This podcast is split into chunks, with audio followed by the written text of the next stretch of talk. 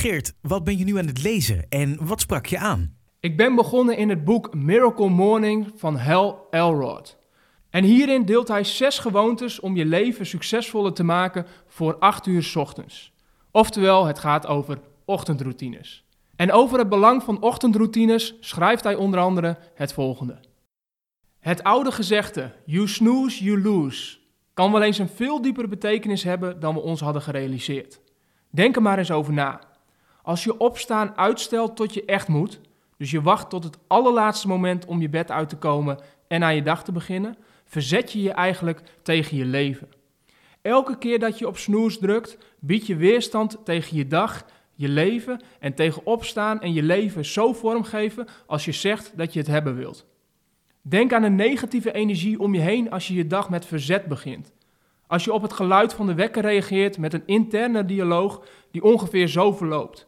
Oh nee, het is al tijd. Ik moet opstaan. Ik wil niet opstaan. Het is alsof je zegt: Ik wil mijn leven niet leiden. In ieder geval niet voluit. Waarom sprak juist dit jou zo aan? Omdat motivatie voor een ochtendroutine het allerbelangrijkste is. Zonder motivatie ga je er zeker niet aan beginnen en hou je het ook zeker niet vol.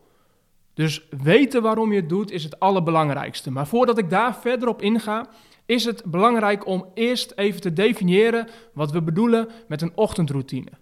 In dit geval is een ochtendroutine een ritueel die in het teken staat van jouw persoonlijke ontwikkeling. Je gebruikt het om dichter bij je doelen te komen. De standen poetsen bijvoorbeeld valt hier niet onder, maar visualiseren wel.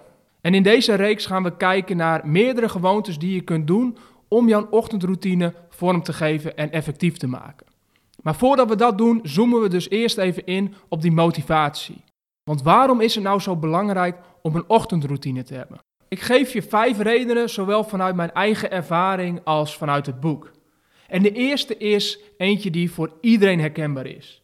En dat is dat je geen tijd vindt om aan je persoonlijke ontwikkeling te werken. Je wilt wel meer lezen, je wilt wel meer visualiseren. Je weet dat het goed is om aan je overtuigingen te werken en je belemmerende overtuigingen om te buigen in positieve overtuigingen. Maar voor je het weet word je opgeslokt door de dag en vind je hier geen tijd voor. Het tweede punt is dat je, als je niet oppast, de dag gestrest begint en met een negatieve mindset. Dat is wat Hal Elrod ook schrijft in zijn boek. Als je gestrest begint en met een negatief gevoel dat de dag alweer begonnen is, dan help je jezelf niet aan een positieve begin van de dag. Aan de andere kant, op het moment dat je wel een ochtendroutine hebt, dan zorg je er dus voor dat je wel elke dag kunt werken aan jezelf en jouw doelen.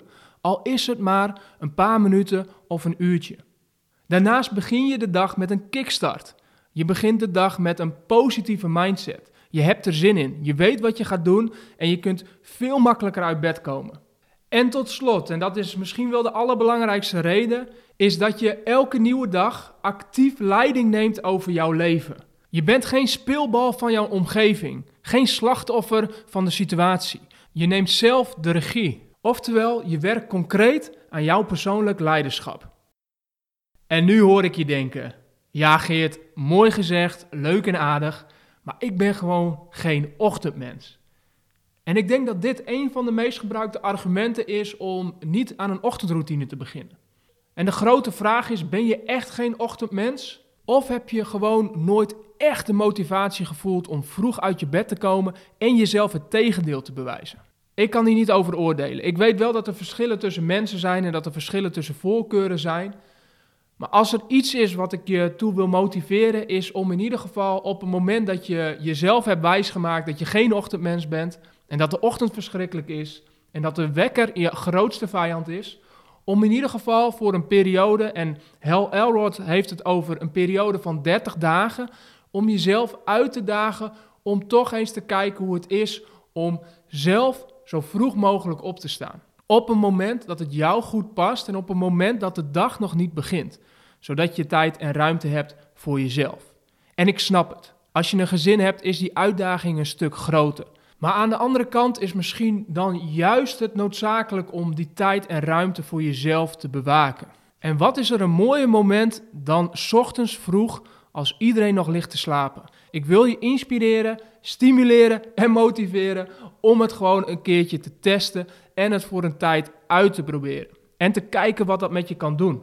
Want op het moment dat je gaat proeven wat een voordeel het heeft om op een vroeg moment op te staan en de tijd te hebben voor jouw ochtendroutine en wat de impact van zo'n ochtendroutine is op jou en jouw leven, dan zou het zomaar kunnen zijn dat je de overtuiging dat je geen ochtendmens bent ombuigt tot iemand die met plezier zijn bed uitstapt, ochtends vroeg en aan de slag gaat met zijn eigen routine.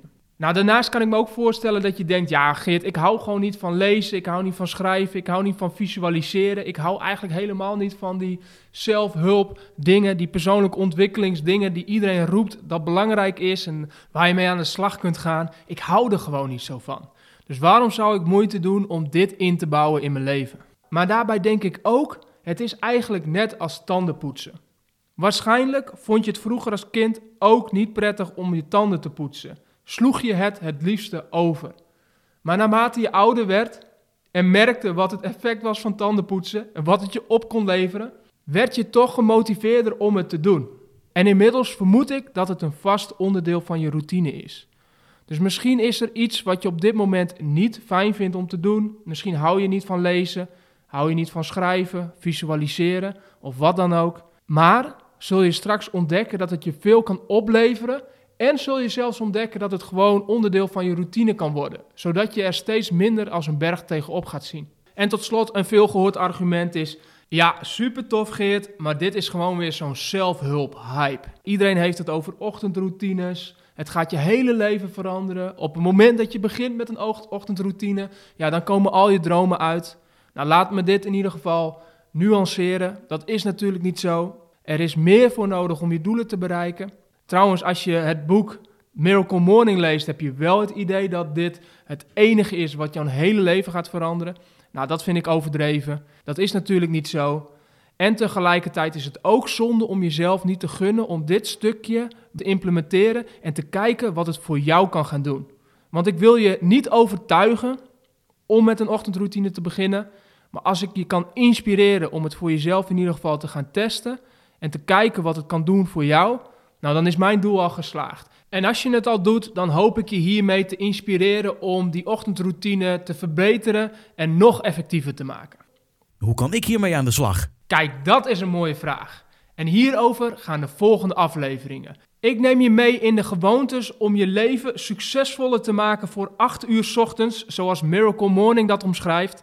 En geef je concrete handvatten om jouw meest effectieve ochtendroutine zelf vorm te geven.